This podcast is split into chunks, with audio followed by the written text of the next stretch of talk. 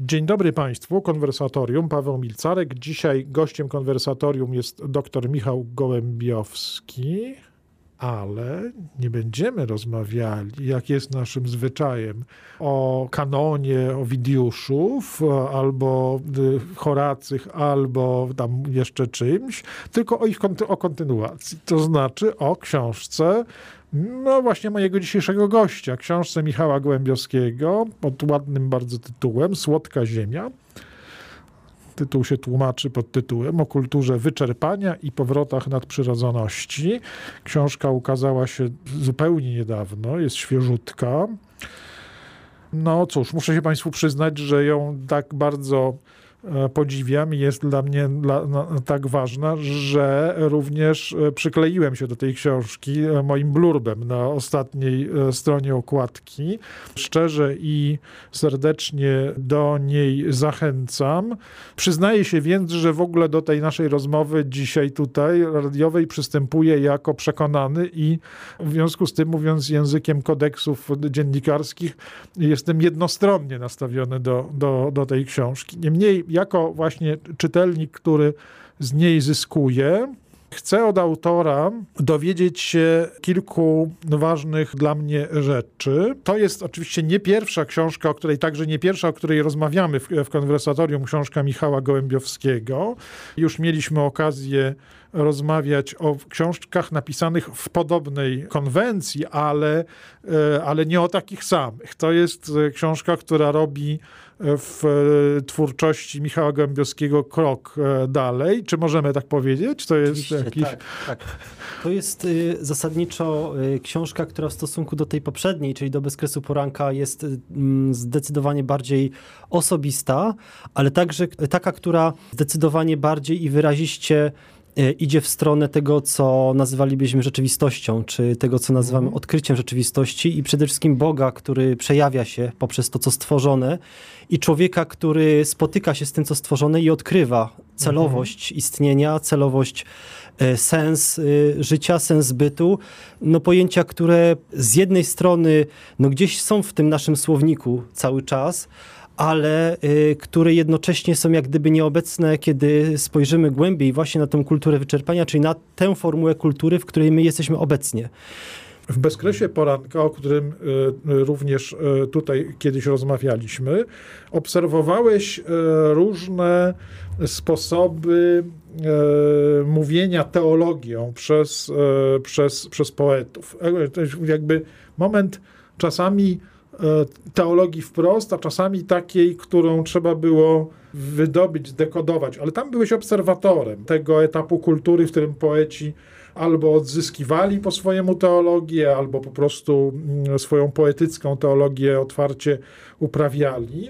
A tutaj mówisz o tym, że podejście jest bardziej, mówię o słodkiej ziemi, tej nowej książce, twoje podejście jest bardziej osobiste, bo ciebie już interesuje po prostu wejście tak, w tę teologię. W związku z tym rozumiem, że ten pierwszy zabieg, który jest w książce, czyli też te takie miniatury, które mamy na początku, które nie są związane z e, jakąś obserwacją twórczości tego czy innego autora, tylko raczej są obserwacją, przed chwilą tak powiedziałeś, rzeczywistości, obserwacją natury. To właśnie są bardzo naturalistyczne miniatury, tak? Można by było nazwać? Czy trzeba było to moje określenie grube skorygować? Trzeba było coś e, poprawić? Na pewno, na pewno jest e, metafizyczne, prawda? To mm. znaczy właśnie e, w tych miniaturach, które otwierają tę książkę, zdecydowanie w stosunku do właśnie poprzednich moich książek starałem się być uczestnikiem tego, tego momentu, tego punktu w jakby budzeniu się tych światłych oczu duszy, jak to mówi list do Efezjan,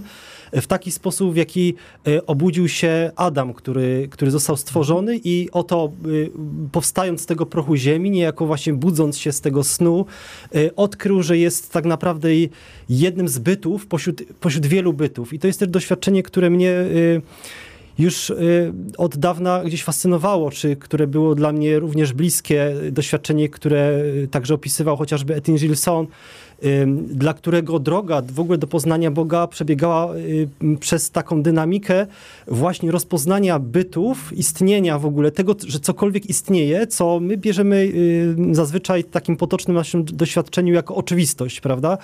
Jako pewnego rodzaju oczywistość, natomiast jest pewnego rodzaju taki przeskok, taki moment, w którym w którym człowiek otwiera właśnie te oczy duszy i, i, patrząc na istotę rzeczy, uświadamia sobie, że istnienie wcale nie musiało właśnie zaistnieć, że ono nie jest tak domyślne, prawda? I w związku z tym, y, że nie ma nicości, co już w samym tym sformułowaniu oczywiście jest pewien paradoks, prawda? Bo kiedy mówimy, że nie ma, no to znaczy, że coś może, mogłoby być, a nicość jest, jest zupełnym, zupełnym tutaj właśnie niebytem, y, niczym, prawda? Czymś, co nawet nie, właśnie nie jest czymś, y, tego nie możemy sobie wyobrazić. Y, no ale właśnie nie ma tego niebytu, ale żyjemy w świecie bytów, żyjemy w świecie, w którym istnieją inne właśnie stworzenia i to nas odsyła do, do takiego olśnienia, właśnie do pewnego rodzaju takiej epifanii, odkrycia rzeczywistości, że ona jest, że ona jest wielowymiarowa, pluralistyczna, jakby to powiedzieli klasyczni metafizycy, a w związku z tym istnieje pewien zamysł stojący za tą, za tą rzeczywistością, zamysł, który prowadzi nas bezpośrednio do, do Boga, prawda? Podobnie jak to mówi chociażby Księga Mądrości Starotestamentowa, czy pierwszy rozdział listu do Rzymian, te niewidzialne przymioty Boga, który jest jakoś przed nami ukryty, one się odsłaniają poprzez widzialność tego świata, że to są te właśnie y, linie papilarne, które Bóg pozostawił nam do rozpoznania i, i odsyła nas do siebie, a jednocześnie, że ta sytuacja odkrycia istnień powoduje, że afirmujemy te istnienia. One same w sobie są dobrem, Stąd właśnie tytuł Słodka Ziemia, czyli pewnego rodzaju taka metaforyczne, metaforyczne przetworzenie tego słynnego Tomaszowego stwierdzenia, że, że byt jest dobrem, ponieważ jest czymś, to jest po pierwsze, a po drugie, że został powołany przez wolę Boga, który jest dobry.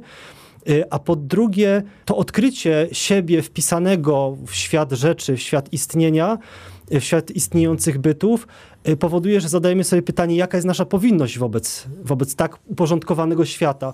Podobnie tutaj jak, jak yy, mamy to w Księdze Rodzaju, kiedy Adam jeszcze zupełnie ze świeżym swoim umysłem, jako nowo stworzony, zauważa, że jest w świecie, w którym są drzewa, w którym są zwierzęta i nadaje im imiona. Często tutaj y, taka myśl, powiedzmy, krytyczna w stosunku do, do, do chrześcijaństwa określała ten gest nadawania imion przez Adama innym istnieniom jako jakieś zawłaszczenie przez człowieka tej przestrzeni życia naturalnej, ale ja bym to widział raczej jako konstytuowanie własnej tożsamości w świecie, w świecie bytów. Jak gdyby poprzez język, który jest jakimś też darem y, dla człowieka, budujemy pewną sieć skojarzeń, dzięki którym możemy usytuować samych siebie, zakorzenić właśnie w tej słodkiej ziemi. Przelicytowałeś moją sugestię, y, bo ja o, o naturalności, fizyczności, a to metafizyczności i zgódźmy się, że te dwie rzeczy są ze sobą y, złączone, że rzeczywiście mówimy tutaj nie tylko o miniaturach na początku, ale jakby od nich, od nich tutaj zaczęliśmy. Jest to rzeczywiście świat otwarty tak daleko, że pozwala ludzkiemu spojrzeniu oka wewnętrznego, oka intelektu, rzeczywiście sięgnąć poza to, co widzimy, to, co przeżywamy, to, czego doznajemy. Niemniej to, co widzimy, czego doznajemy, co odczuwamy, jest e, również w tych miniaturach bardzo ważne, prawda? To nie jest świat, poza który mamy się wyrwać, trochę tak, że tutaj na Ziemi panuje strasznie nieprzychylna, zła pogoda, ale ponad chmurami zaczyna się e, e, słońce, tylko mówimy o świecie, w którym siedząc na ziemi, tak, cieszymy się słońcem i, e, i ciepłem i gdy wchodzimy do wody, prawda, to wszystkie te odczucia, te doznania są ważne w drodze do, w tej, w tej metafizycznej drodze, tak. To są przejścia, które są, które są możliwe. Mm, jeśli już mówimy o filozofach, no to rzeczywiście E, również i to znane powiedzenie arystotelesowskie, że nie ma w intelekcie niczego, co by nie przeszło przez zmysły. Oczywiście, e, jeśli, jeśli na razie zatrzymujemy się na, na, na tej płaszczyźnie naturalnej, tak również metafizycznie naturalnej, no to tutaj jest bardzo ważne to bycie pobudzonym tak, przez kontakt z tym, co teologowie średniowiecza nazywali księgą natury. Już nie księgą pisma, ale księgą natury. Czyli metafizyka, natura, ale też i pewna historia. Właściwie twoja opowieść się zaczyna od parafrazy tej biblijnej historii. Dajesz swoją opowieść o tym, co się z nami wydarzyło. I jednego, czego mi w tej opowieści by brakowało, to jest to, co ty zostawiasz poza zasięgiem świadomie i mówisz, że bardzo nie wiadomo, dlaczego ten, temu ojcu się coś e, tak zrobiło, że poszedł i spiłował to drzewo, bo rzeczywiście do tego obrazu biblijnego pewnie trzeba by było y, jeszcze powiedzieć, kto, kto do tego spiłowania popchnął, tak? Czy w jaki sposób popchnął. Ale zostawmy to, bo, bo to w tej chwili nie jest y, nie, nie, nie, nie o to nam chodzi. Rozumiem, że, że propozycja, że szlak, który jest proponowany, to jest, to jest trochę takie wyprowadzenie nas z tego gnostyckiego, takiego tylko liczenia na swoje wnętrze taki, i ucieczkę, czy jakaś właśnie otwarcie na to, co, e, co może być w świecie tymi szczeblami drabiny prowadzącej do nieba. To optymizm tobą kieruje. E, tak, ja e, tutaj akurat w tym opisie właśnie spotkania człowieka z, ze światem stworzonym, i tutaj podkreślam to y, słowo stworzenie, ponieważ ono nie jest też tak domyślne w naszej kulturze, prawda, mhm. że świat został stworzony. Y, ja podkreślam to, że właśnie to jest y, spotkanie ze światem stworzonym, czyli po pierwsze, że istnieje Bóg, który powołał to do, do istnienia, który to stworzył, w, w związku z czym nadał temu pewną logikę, pewne, pewien zamysł, a jednocześnie y, właśnie jest to spotkanie, czyli wyjście poza nas samych w kierunku tego, y, tego świata. Znaczy nie jest to tylko i wyłącznie jakieś przetwarzanie w nas samych y, pewnej koncepcji, idei tego świata, to jest e, oczywiście opisywane w dalszej części tej książki, kiedy staram się e, opisać, może wejść w jakąś taką dynamikę tego, co stało się później z tymi światami już wykreowanymi przez awangardę, przez rozmaite ruchy, chociażby kontrkulturowy ruch, czy też przez pewne nurty w sztuce modernistycznej, w literaturze i sztuce, które już od tej rzeczywistości się oddalają ale punktem wyjścia y, tym najbardziej osobistym jest ten moment właśnie spotkania, czyli wyjścia poza siebie, po to, żeby spotkać realnie istniejący świat i poprzez poznanie jego realnie istniejącego Boga. To jest nasze wejście, powtarzam, do książki Słodka Ziemia o kulturze wyczerpania i powrotach nadprzyrodzoności. Książka Michała Gołębiowskiego. Zaczęliśmy rozmawiać o tym, co jest e, takim mo mocnym, wiem, że cenionym, bo to przecież są rzeczy, które już były też e, w różny sposób prezentowane czytelnikowi. Niektóre z tych tekstów e, y, zaczęliśmy od tych miniatur, ale to jest tylko pierwsze, pierwsze nasze zaglądnięcie do tej książki. Za chwilę e, spróbujemy zobaczyć, co jest więcej, w, bo na okładce jest Michał Gołębioski i autobus, co, z kim podróżuje Michał Gołębioski, albo gdzie, w jakim autobusie przebywa. Wracamy do rozmowy o y, książce obecnego dzisiaj w konwersatorium Michała Gołębioskiego, książce Słodka Ziemia. E, zaczęliśmy od tej części, która jest trochę taka sama w sobie. E, miniatury to jest po prostu e, jakiś zespół takich ja z jednej strony chciałbym powiedzieć takich pa parafraz różnych, e, różnych sytuacji biblijnych, ale rzeczywiście e, rozumiem i w, w pełni się cieszę z tego, że ty tak bronisz tej perspektywy jeszcze, wydaje się, bardziej dla nas ważnej, że nie chodzi o poetycką parafrazę, bo takich tworzy się wiele i każdy człowiek o wyobraźni bogatej potrafi parafrazować rozmaite rzeczy, ale że w tej wyobraźni e, jest, e, jest metafizyka. To wydaje mi się cenne metafizyka nie w potocznym sensie, że każda rzecz, która wybiega poza fizyczność jest metafizyczna, tylko metafizyka w tym sensie, którą ty już tutaj w pierwszej części naszej rozmowy sygnalizowałeś. Czyli ten rodzaj aktywności ro rozumu, w której się rejestruje fakt istnienia i rejestruje się to, że to jest istnienie pochodne, że ma, otaczają nas rzeczy stworzone, że w takim razie e, ich dobro jest, odsyła nas do tego dobra, które jest maksimum, e, które jest maksimum bytu, e, czyli że to połączenie pewnego wrażenia, tak, czy wrażeniowości związanej z przebywania wśród, wśród rzeczy materialnych, że nie mamy takiego prostego przeskoku po prostu w świat świat wyobraźni religijnej, tylko że łącznikiem jest, jest racjonalność, w której się wychwytuje całą metafizykę, tak? Te, czy metafizyczność tego stworzenia, które, które, które mamy y, jako środowisko także y, wzrostu naszej wiary.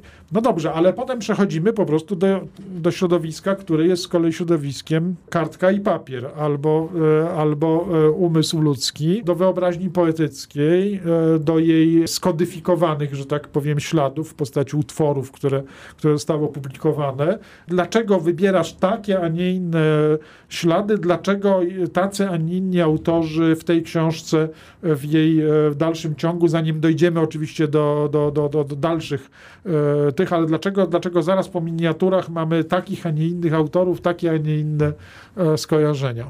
Takim moim odkryciem w ogóle z ostatnich lat jest to, że najbardziej poetycką jest właśnie metafizyka. To znaczy to, co jest y, najmocniej odwołujące się do ludzkiej intuicji w takiej, mm, bym powiedział, formule prawdziwościowej, czyli te, tej prawdy, którą intuicja przedstawia. Y, intuicja w takim rozumieniu również y, odczytywania wielości tych bytów, tej złożoności świata w jakąś taką jedną całość, całość, którą byśmy powiedzieli, y, nazwalibyśmy ją sensem, sensem tego, tego wszystkiego, co, co istnieje, tego wszystkiego, z czym się spotykamy, to w moim przekonaniu jest to najbardziej poetyckie. Przy czym paradoks polega na tym, że właśnie ta perspektywa, ona z czasem y, zanika. Prawda? To już y, mhm. można powiedzieć i już powiedziano y, wiele na temat tego procesu w zachodniej kulturze wypierania metafizyki, czyli tego wychodzenia poza siebie w, w kierunku real, realnego świata i tej sytuacji spotkania. Właśnie spotkanie zakłada to, że istnieją dwa odrębne byty. Ja nie jestem, prawda, ty, ty nie jesteś mną, a jednocześnie spotykamy się jako realnie istniejący i dokonuje się pewna wymiana darów między nami, prawda, na, na różnych poziomach. I ta perspektywa jakoś zanika na rzecz takiego wewnętrznego, powiedzielibyśmy najbardziej tak w taki prosty sposób na, na rzecz pewnej autoanalizy. To znaczy mój proces poznawczy, on jest tutaj przede wszystkim najbardziej istotny. Napisano o tym już, już wiele. Natomiast y, rzeczywiście przeskakuje w pewnym momencie do poezji końca XIX wieku, mhm. czyli do mhm. tak zwanego modernizmu. U nas, u nas Młoda Polska, z, łącznie z pewnymi nurtami typu symbolizm, dekadentyzm.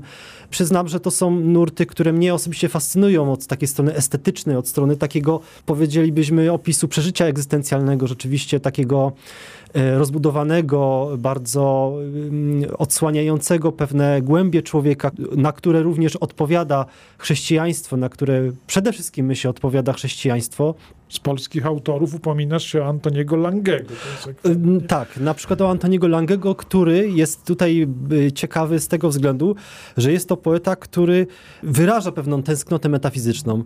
To znaczy, on żyje w tej atmosferze już kryzysu metafizyki, y, bo oddalając się coraz bardziej od spotkania z realnym światem, a skupiając się na autoanalizie, y, tracimy tak naprawdę grunt tego, czy nasze życie ma jakiekolwiek logiczne od logos, prawda, od tego słowa, słowa, które jest Bogiem, ukierunkowanie. E, no i Antoni Lange jest właśnie takim niespokojnym duchem, który pyta o to, czy jego życie jest gdziekolwiek, e, powiedzielibyśmy, gdziekolwiek ma jakikolwiek dom. Co ciekawe, jeden z takich e, intelektualistów, filozofów niemieckich, który stał się mentorem dla kontrkultury lat 60., czyli Ernst Bloch, stwierdził, że nie miał racji Freud, który mówił, że naj, najsilniejszym bodźcem dla ludzkiego życia są popędy. E, nie miał racji też Erich Fromm, który twierdził, że e, jakieś takie poczucie, e, poczucie sensu kieruje, kieruje człowiekiem, ale przede wszystkim to, czym kieruje się człowiek, ten najsilniejszy, byśmy powiedzieli, bodziec, to jest poszukiwanie domu. E, I chociaż e, Ernst Bloch był ateistą i, i właśnie ojcem kontrkultury, no to ta intuicja jest mi e, bliska i wydaje mi się, że na nią odpowiada bezpośrednio to, o czym pisałem w pierwszej części tej książki, to znaczy to odkrycie siebie wpisanego w porządek rzeczy ustanowionych przez Boga, czyli to myślenie metafizyczne, to jest właśnie tak naprawdę rozpoznanie domu w tym, w czym jesteśmy. A jednak ta kultura i ci poeci, oni oddalają się od tej perspektywy i popadają w rozmaite, y, powiedzielibyśmy, takie kreacjonizmy, w tym sensie, że oni kreują już rzeczywistość, która jest jakimś taką wyrazem ekspansji ich ja. To znaczy to, co oni mają w środku, to jak konstruują z tego świat, ale jest w tym w dalszym ciągu niepokój. To znaczy oni nie są spokojni w tej sytuacji. Jak święty Augustyn y, pisał w tym swoim słynnym wstępie, y, y, czy w pierwszym rozdziale do pierwszej księgi wyznań, niespokojne jest serce człowieka, dopóki nie spocznie w Bogu. A są pewne, pewnego rodzaju próby spocznięcia, no ale właśnie już te, w tym momencie ten Bóg realny, Bóg realnie istniejący, byt, już się oddala, więc ci poeci również są niespokojni. I w tej części książki staram się jednak spojrzeć na pewien paradoks wynikający z pewnego rodzaju stanu ducha, który nie pozwala już przyjąć tej takiej, mm, powiedzielibyśmy, dziecięcej ufności, dziecięcej spontaniczności w poznawaniu realnego świata, że oto jest ten świat, oto jest drzewo, oto jest in, drugi człowiek, a z drugiej strony stale jest gdzieś w sercu ludzkim ta tęsknota za właśnie tym stanem rzeczy. Padły nazwiska różnych patronów, tak, filozoficznych, e,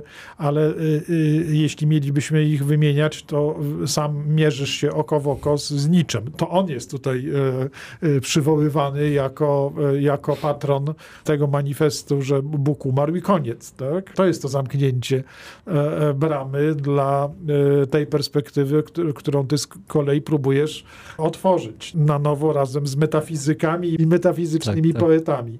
Ci autorzy, których wspominasz, no zwłaszcza ci tutaj mamy na, na, na, myśli i symbolistów, Młodą Polskę i tak dalej, byli bardzo pod wpływem tego patronatu.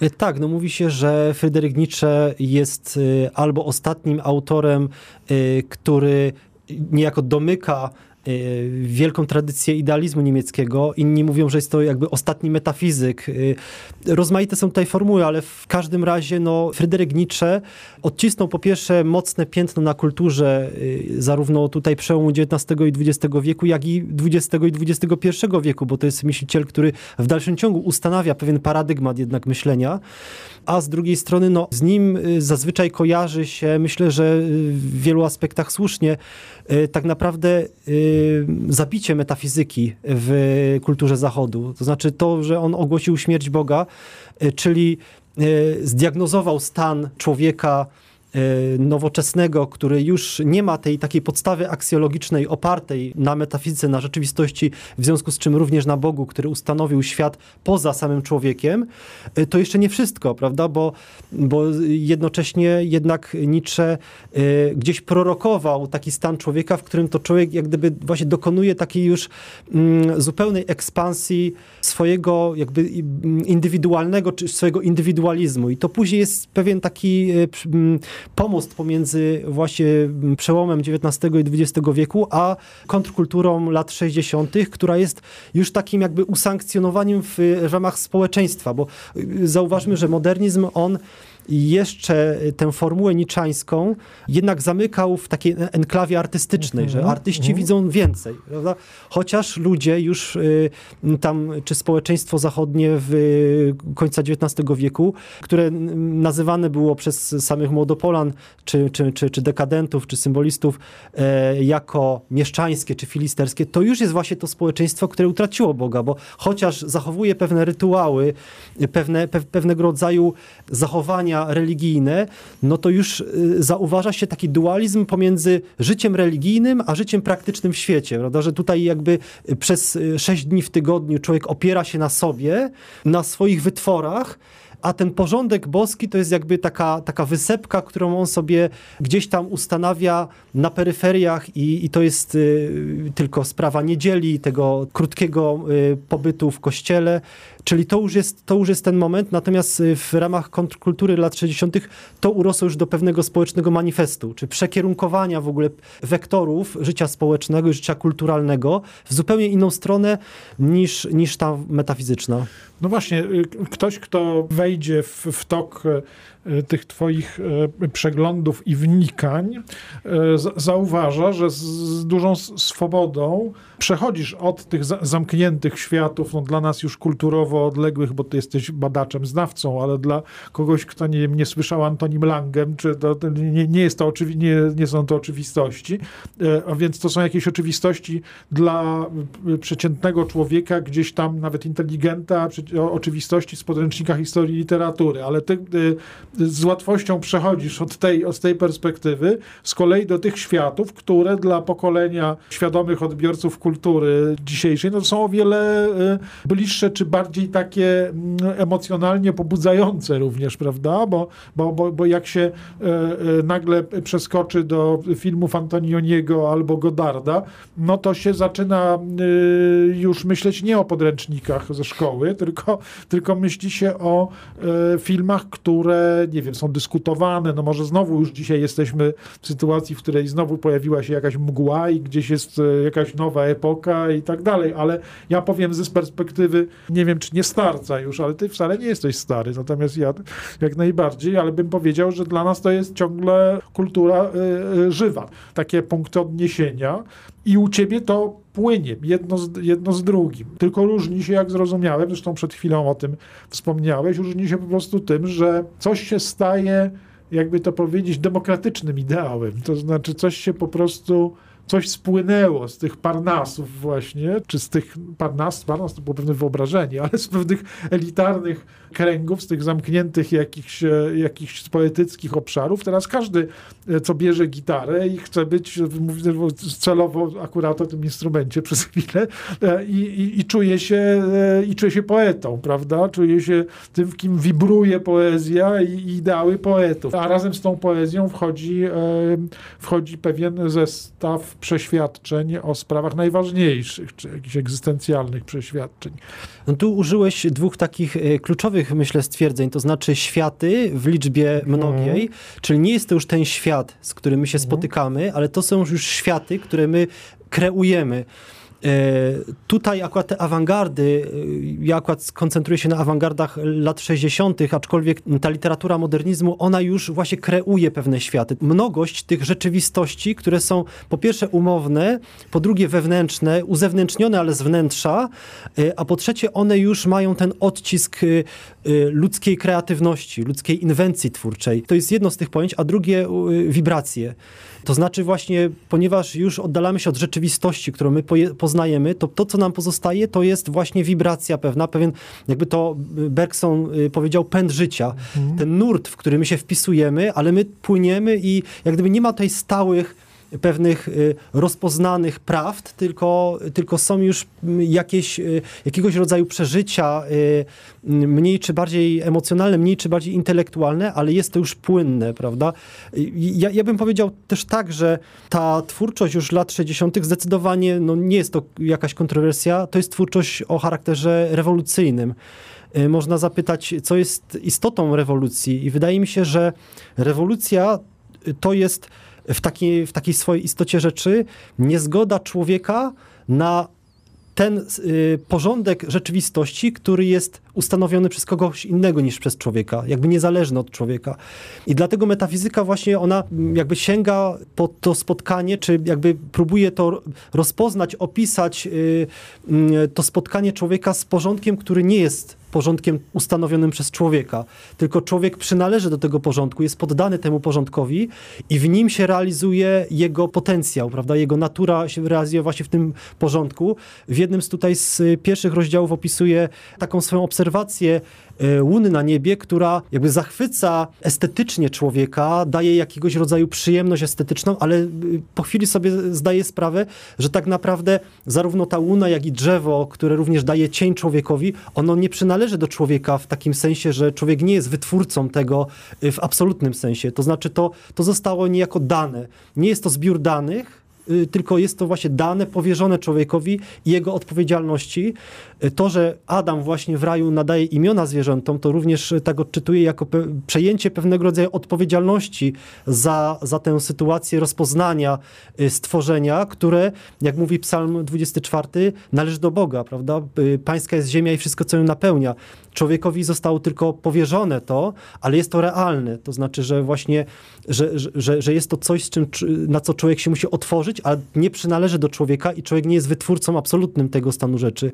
Z kolei ta myśl rewolucyjna, ona idzie w innym kierunku. To znaczy, rewolucja jest właśnie taką, byśmy powiedzieli, no, energią, która wyraża niezgodę człowieka na to poddanie się y, rzeczywistości ponad człowiekiem i pragnie ustanowić pewien porządek zmienny, płynny, dynamiczny, nad którym człowiek sprawuje kontrolę. A, to już doszliśmy do czegoś, co mm, y, graniczy z problemem kontrkultury. Kontrkultury, który jest również w słodkiej ziemi podjęty, ale to po przerwie. Wracamy do rozmowy o książce Michała Gołębiowskiego, Słodka Ziemia. Mówiliśmy zarówno o tym uchyleniu okna do metafizyki w pierwszej części tej książki. Mówiliśmy o tym, że jako autor chcesz to światło metafizyki również wpuścić jakby do tego zmroczonego tak, świata, w którym okna są zamknięte przez to stwierdzenie Bóg umarł, tak? nie, nie, nie żyje, musimy sobie sami radzić, ale w dalszym ciągu e, panuje tam jakiś e, wewnątrz w tego mroku jakiś żywioł, który daje znak, że, e, że siebie samego nie rozumie, tak? Żeby się zrozumieć, musi wiedzieć skąd jest, do czego zmierza, co jest jego sensem. I mamy w tej książce również taki obszar, w którym się zajmujesz sytuacją, to zresztą w, już w, nie pierwszy raz, ale taką sytuacją, w której e, mamy ludzi, którzy buntują się wobec buntu, trochę tak jakby, bo słowo kontrkultura, ono kojarzy się nam po prostu z buntem, ale rozumiem, że na głębszym poziomie to to jest jakieś napięcie między taką witalnością kolejnego pokolenia, które po prostu chce żyć tak? i chce wiedzieć, dlaczego żyje, co jest jego, co, co ma organizować jego życie, a spotyka się ze światem, który to nie jest już świat tych mieszczan XIX wieku, to jest świat dziwnych, to jest świat mieszczan, którzy się przecież kiedyś zbuntowali, ogłosili, że właśnie Boga nie ma, albo że, że trzeba tak zorganizować życie, jakby, jakby Boga nie było. I to tworzy taką ambiwalentność kontrkultury, bo ona z jednej strony wywleka na powierzchnię cały ten brak, Boga nie ma, a z drugiej strony może y, uderza w tę próżnię, tak, że, że jakby domaga się, żeby, żeby, to, żeby to próżnią nie było, żeby coś, żeby coś w tym się znaleźć. Znaczy ja w każdym razie, gdy czytam tę część twojej książki, to z jednej strony widzę pragnienie odkupienia tych wszystkich prób, tych wszystkich poszukiwań, tego wszystkiego, co dla kogoś, kto przychodzi z wiarą tak, do tego, w to miejsce, no to może się w pewnym momencie budzić e, odruchy wymiotne, bo może takie, takie poczucie, że no po co mi ta pustka, no ona jest mi do niczego niepotrzebna. I ja tak trochę zareagowałem w pewnym momencie, jak ci powiedziałem, że tak się jakbyśmy spotykali ludzi, e, patrzyli na nich i mówili sobie, no to jak, jak u Dantego, e, popatrz i się oddal, bo to, bo to do niczego nie jest nam, nie jest mi potrzebne. Ale ty chcesz e, jak rozumiem, nie tyle ich potępić, ile właśnie znaleźć, dlaczego oni się buntowali, tak? Rozumiem. Spróbuj mi to wyjaśnić. Czy to jest nam, nam potrzebne, czy to raczej nie, nie, nie jest taka perspektywa, że ktoś e, po, po, po tym zrozumie, że no każdy bunt, każdy buncik, każde niezadowolenie to jest coś takiego po prostu niesamowicie ważnego, sakramentalnego, wielkiego i tak dalej? Znaczy ja właśnie widzę, widzę ten paradoks, to, to, to pęknięcie i tą sprzeczność pomiędzy tym buntem, kontestacją, która jest takim, no powiedzielibyśmy nawet żywiołem, to znaczy to nie jest kontestacja już jakiegoś stanu rzeczy, który został obalony, ale ten bunt, ta kontestacja idzie dalej, to znaczy to jest właśnie swego rodzaju energia, która pozwala temu człowiekowi nowoczesnemu jednak usytuować się w jakimś nurcie życia. To znaczy nie jest już w rzeczywistości takiej, która jest stworzona przez Boga, która jakby narzuca człowiekowi, y, mówię tutaj w, w pewnym skrócie myślowym, y, że narzuca ale jakby człowieka obliguje do tego, żeby przyjął pewien stan rzeczy i wziął za niego odpowiedzialność i jak gdyby realizował siebie takim, jakim jest, prawda?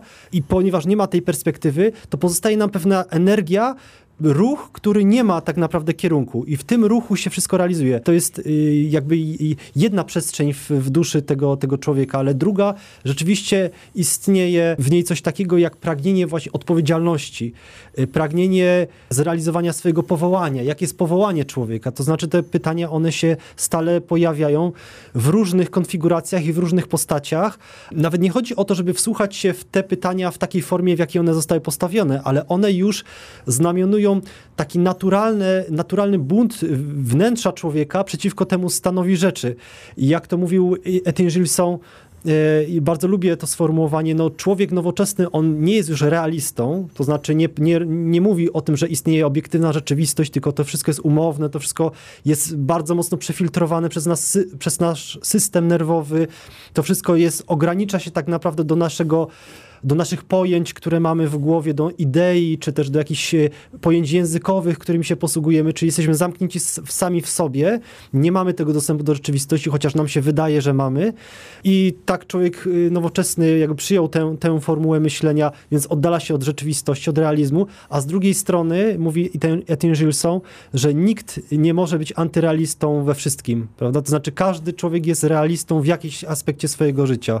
I to jest ciekawe właśnie, że istnieje mimo wszystko ten bunt, bunt natury wewnątrz człowieka. I mhm. myślę, że ta twórczość, ona właśnie pokazuje ten bunt natury, y, natury ludzkiej, która została właśnie stworzona przez Boga.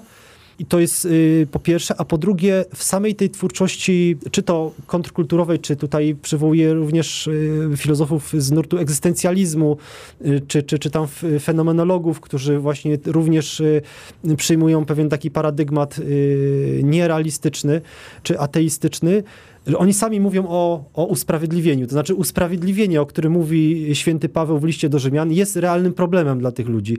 Pomimo tego, że oni mówią już to, w, że, że używają tego sformułowania już poza tym kontekstem wiary religijnej, ale mimo wszystko jakby to pojęcie, przynajmniej u Sartra, ono w tym opisie, ono w dalszym ciągu jest bardzo mocno zależne od tego opisu stanu człowieka przed Chrystusem, o którym pisze święty Paweł. I to mi uzmysławia pewnego rodzaju, no mimo wszystko, chęć powrotu do tego domu y, w postaci tego no, raju, nie mówię to tutaj o utopii realizowanej na ziemi, o raju na ziemi w takim sensie, że, że świata bez problemów, y, nie, nie podlegającego zepsuciu, y, przemijaniu i śmierci, ale do tego raju w sensie tego odnalezienia samego siebie wewnątrz świata istnień, prawda, wewnątrz, tych wewnątrz świata realnie istniejących rzeczy, że świata, w którym nie jestem sam, tylko właśnie odnajduję siebie i buduję swoją tożsamość w spotkaniu, w nieustannej wymianie darów pomiędzy realnie istniejącymi bytami, z którymi ja się spotykam, i właśnie gdzieś w, na, tej, na tym gruncie rzeczywistości, a nie na gruncie moich własnych koncepcji na ten temat. To ogromnie ciekawe, bo wydaje mi się, że jest E, trochę sięgnięciem głębiej niż e, zwykle także i niektóre utwory, które, które przywołujesz, ja tutaj o Godardzie, e, który jest tutaj mocno obecny, wspomnimy, no są, są ludzie, którzy przyjęli tę twórczość, przyjęli e, te utwory jako rodzaj takiego zilustrowania, ale też jakiegoś swoistego pogodzenia się z tą katastrofą, tak? To znaczy z tym brakiem. Dopiero ktoś, kto patrzy na to, przychodzi tam z jakąś jakby latarnią E, własnej wiary, e, odczytuje te punkty katastroficzne, tak, w tym obrazie świata i człowieka, no to jakoś na, zna, znajduje tam do tego klucze, tak, czyli jakby e, ten odbiór, który ty proponujesz jest odbiorem człowieka wierzącego, tak można powiedzieć, prawda, nie jest, nie jest odnalezieniem wspólnego języka, wspólnego logosu również z twórcą, tylko jest w jakimś sensie powiedzeniem mu, tak, to wszystko to, co tutaj świetnie zostało opisane, to jest ta katastrofa, do której klucz znajduje się poza e, poza tym utworem. Czy to tak można to rozumieć? W... Tak, no myślę, że tutaj y, temat miłości, który y, i poeci na różny sposób y, przetwarzali i kontrkultura, która mówiła o miłości, pokoju, wolności, to jest kluczowy temat, bo powstaje takie pytanie, czy można kochać osobę, czy osoba może kochać osobę, czy też osoba może kochać pe pewne wyobrażenie osoby, czy też może kochać sam ten stan kochania, prawda? I, tu, Mhm. I to są te trzy warianty, spośród których musimy się zdecydować. No jeżeli istnieje wiara jakaś, jakaś nadzieja może w ten sposób, która, którą widać u Antonioniego i u Godarda, przynajmniej taką, taką nadzieję oni próbowali sta- stale w sobie wskrzeszać, że istnieje coś takiego jak, jak miłość do osoby, prawda? Człowieka jako osoby do, do drugiej osoby, e, no to musimy jednak przyjąć, że ta osoba realnie istnieje. Oczywiście to jest, to jest y, taki, y, powiedzielibyśmy, komunał, ale że ja spotykam się na gruncie właśnie realności tej osoby. To znaczy, że właśnie ja mogę przyjąć tę osobę jako realnie istniejącą i ja jak gdyby wychodzę poza siebie, dokonuję tego ruchu. I to nas odsyła oczywiście do, do Boga, prawda? No bo jeżeli istnieje ten ruch, to tak naprawdę jakby tą konsekwencją te, tego, że istnieje ta realność, to jest y, y, jak gdyby to spotkanie w miłości, która odsyła nas do miłości ostatecznej. Więc tutaj y, to stare, y, byśmy powiedzieli jeszcze y, wczesno-nowożytne czy wczesnochrześcijańskie mówienie o tym, że miłość do człowieka jest w Bogu czy poprzez Boga i to jest realna miłość, no nie jest takim religijnym komunałem, tylko to jest rzeczywiście, rzeczywiście pewną, pewnym gruntem i pewną konsekwencją w ogóle myślenia o tym, że to jest możliwe.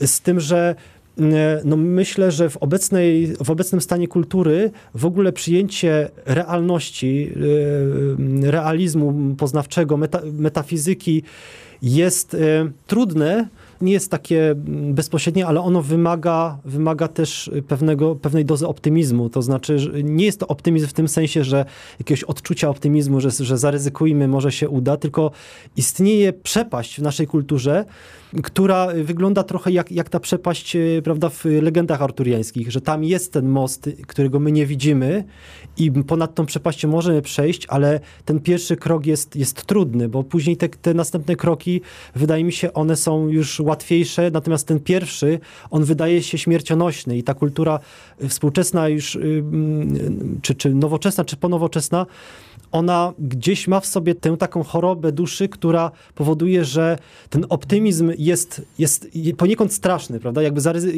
wiąże się z pewnym ryzykiem, a jednocześnie wydaje mi się, że, że ta perspektywa y, stale będzie powracała jako, jako le lekarstwo, jako, jako perspektywa lecząca.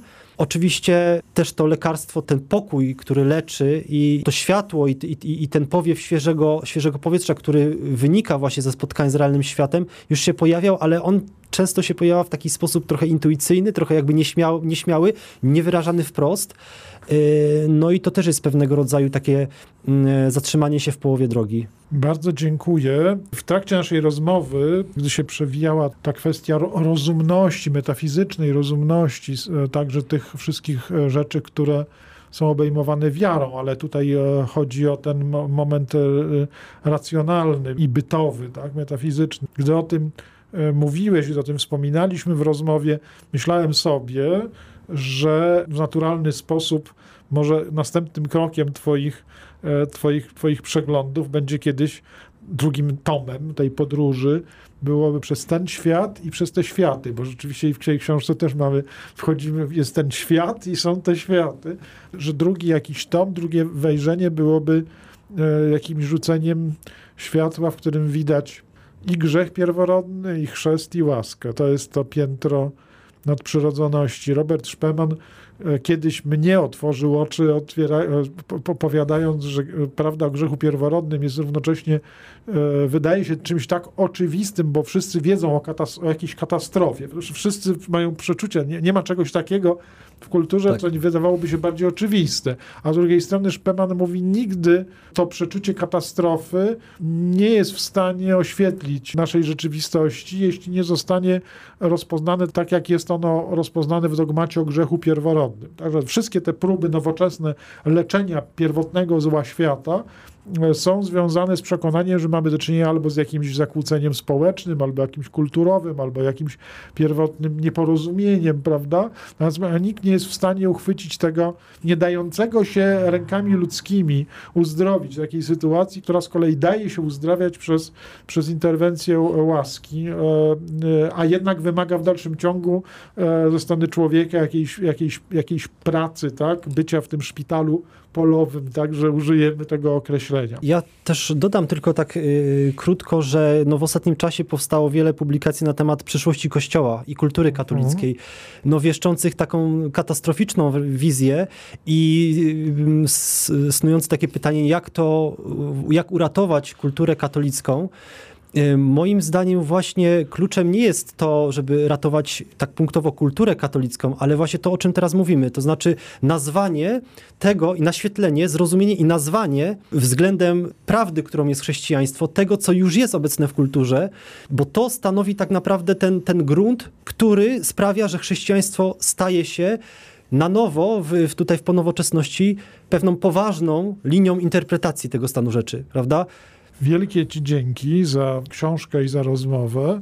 Myślę, że e, udało nam się tak powiedzieć o tej książce, że równocześnie nie rzucaliśmy spoilerów. Czytelnicy mają, mają jeszcze mnóstwo e, rzeczy tutaj do, do odkrycia i do, i do i do przeczytania.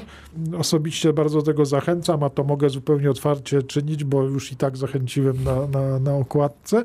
Dziękuję dzisiaj naszemu gościowi, doktorowi Michałowi Gołębiowskiemu za, za obecność. Dzisiaj już nie, nie rozmawialiśmy sobie o książkach, prawda, różnych książkach, rozmawialiśmy o, o problemach, dla których książki się pisze. Państwu życzę dobrego tygodnia. Jak zwykle zapraszam na następne konwersatorium i wszystkim i Michałowi dzisiaj do widzenia.